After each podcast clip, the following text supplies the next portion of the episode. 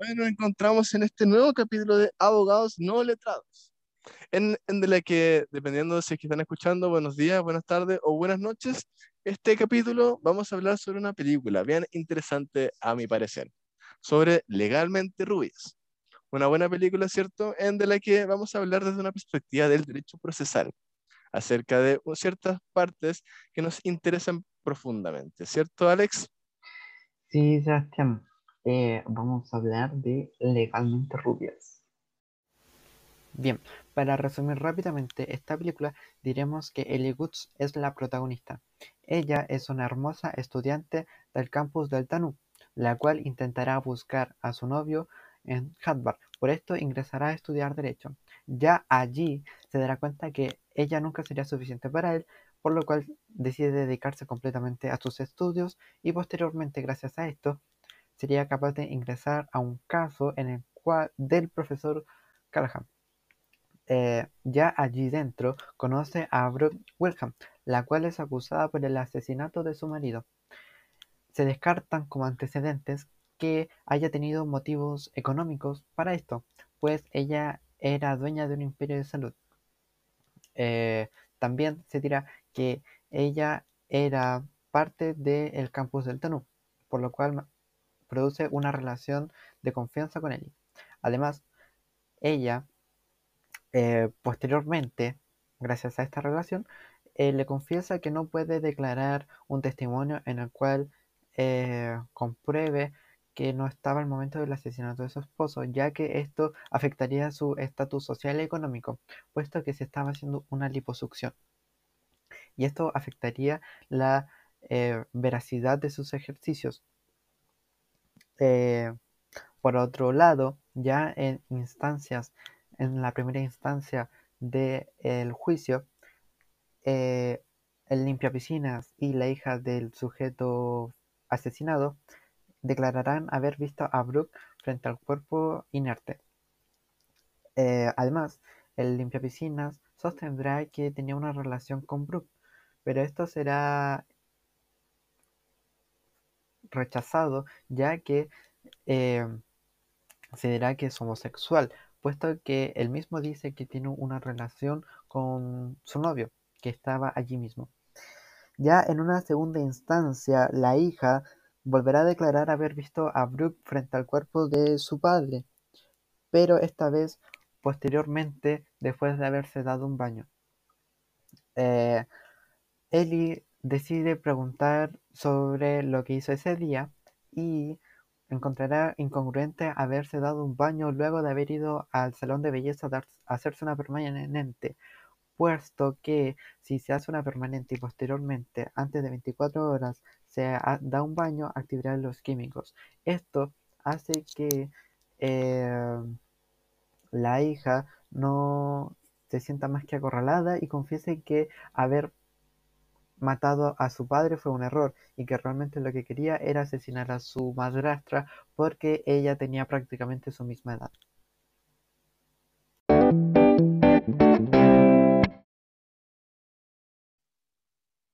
Bueno, entonces, eh, una vez de, habiendo hecho, a, ¿cómo se llama? a grosso modo esta explicación sobre la historia, ¿cierto? Y el caso, llevado por Ellie Goods, vamos a hablar de forma específica sobre las distintas partes o de procesos que vimos, ¿cierto? Comparándolo con nuestro derecho procesal.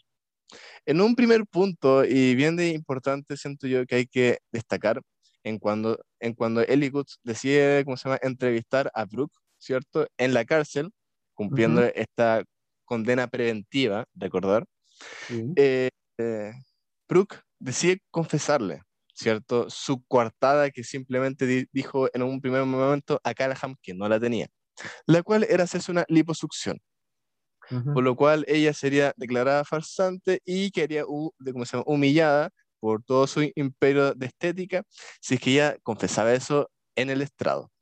Por lo cual decide no decirlo y le, ¿cómo se llama? le pide por favor a Ellie Goods que no lo diga. Por lo que aquí... Se ven dos cosas.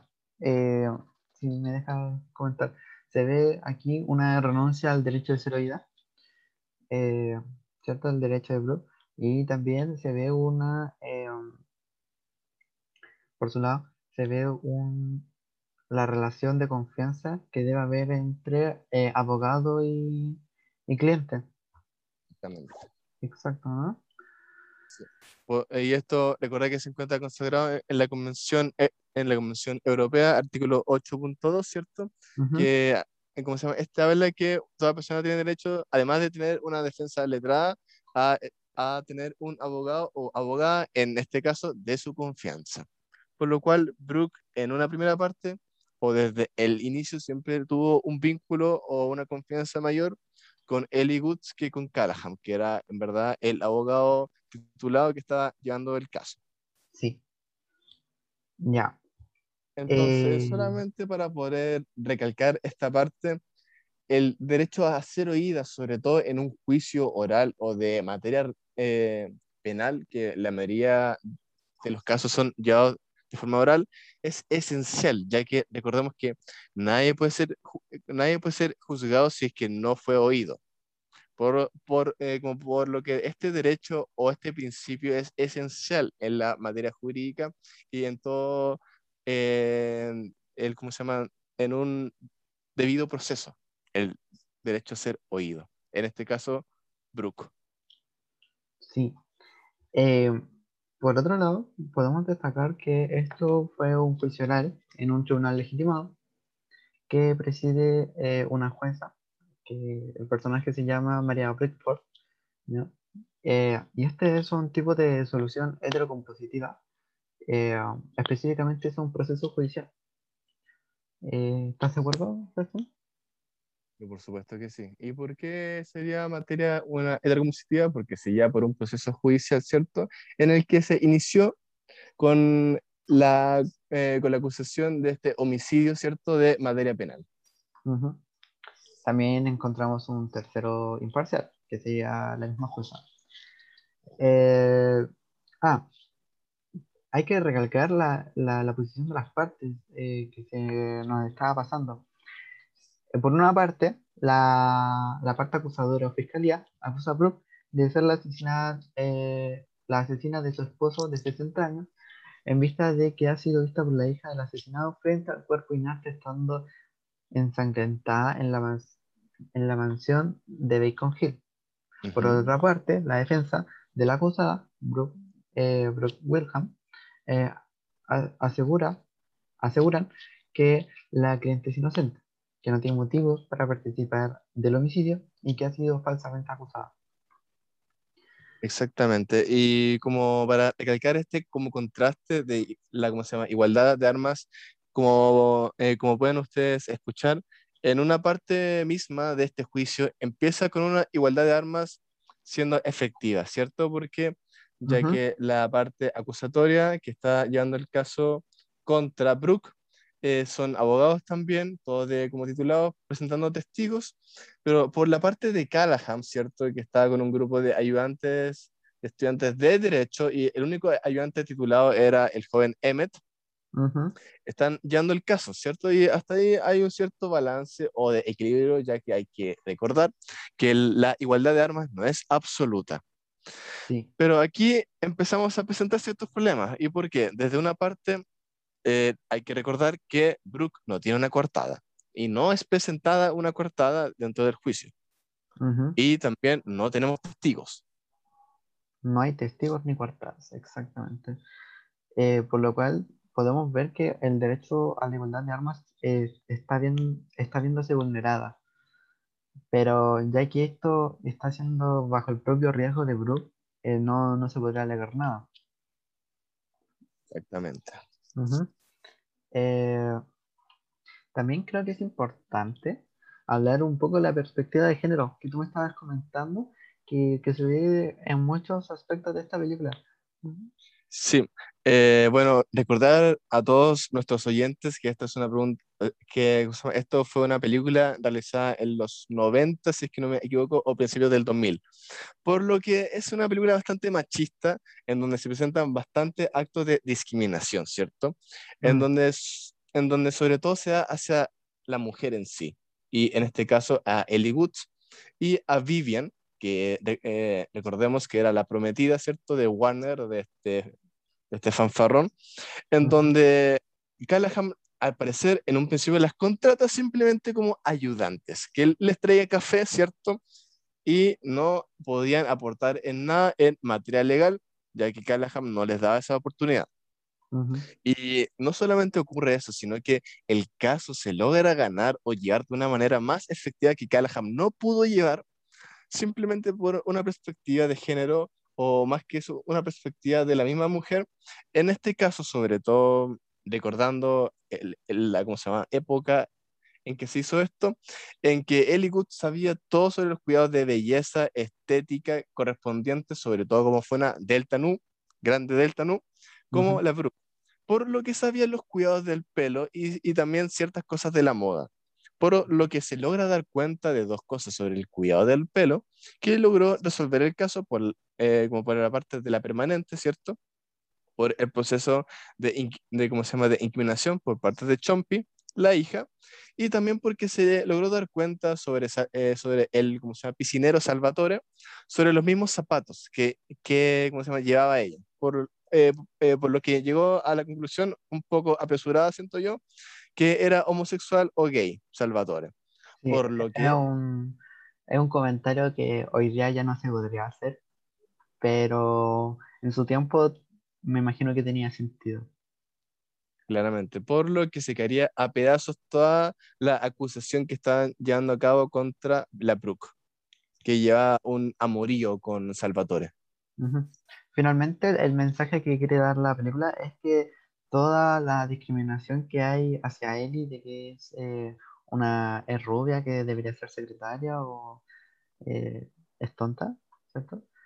Eh, es completamente mm, innecesaria, ya que al final demuestra ser mucho más inteligente que un montón de personas y finalmente el caso se resuelve gracias a ella y no gracias a Callahan, gracias al que posteriormente va a ser su novio, eh, gracias a ninguna de esas personas, sino simplemente gracias a él, que gracias a su punto de vista, como ya no solo como mujer, sino como eh, ella misma, ya que es su vida la que le ayudó a dar esta solución. Exactamente, y cómo se llama, y es como algo siento contradictorio, pero a pesar de que ella sufrió acoso, ¿cierto? En, en ¿cómo se llama? una parte de la película en que Callahan le dice un montón de atributos a Ellie que ella tenía como la intuición, la iniciativa y la confianza del cliente, que Ellie logra demostrar como una gran abogada, hay, hay un, hay, hay un de como acoso manifestado, ¿cierto? Cuando Callahan, este profesor ya funado, eh, le trata de tocar la pierna o de hecho le toca la pierna, ¿cierto? Mm. En donde se da en este ámbito supuestamente profesional, que no deberían suceder estas cosas, pero eh, lamentablemente ocurren. En donde Ellie, como siempre esperada nuestra protagonista, le para los carros de una y lo manda a casita y ella decide seguir el caso después de que intentó irse y el joven Emmet también la va y la de como socorre y dice que la va de apoyar y sorpresivamente después Brooke despide a Callahan. Por otro lado, eh, eh, también es posible identificar un otro problema que creo que no hay que entrar mucho en esto, pero es sobre un intento de homicidio frustrado podríamos encontrar aquí, ya que eh, al final la, la, culpable, la realmente culpable eh, del asesinato, eh, confiesa haber hecho un homicidio por error, ya que había intentado realmente asesinar a la madrastra. Yo creo que es un tema relevante, pero no relevante para, para el caso en el que estamos hablando. Claro, en donde más encima, bueno, solamente como, como acotación, hay una malversación de las pruebas en el sentido en que primero eh, nunca fue encontrada la arma homicida, sino que siempre la tuvo Chompy, la cual acusó que había disparado, o este disparo supuesto que escuchó por parte de Brooks, ¿cierto?, a su esposo. Y también eh, podríamos hablar de Salvatore, ¿no? la declaración falsa de Salvatore, ¿cierto? Este piscinero que dijo que estaban conectados por el amor, ¿cierto? Y se pegó el medio show que nunca hubo entre Brooke y Salvatore. Sí. Y creo que con esto abordamos todos los temas que, que encontramos en la película, ¿no?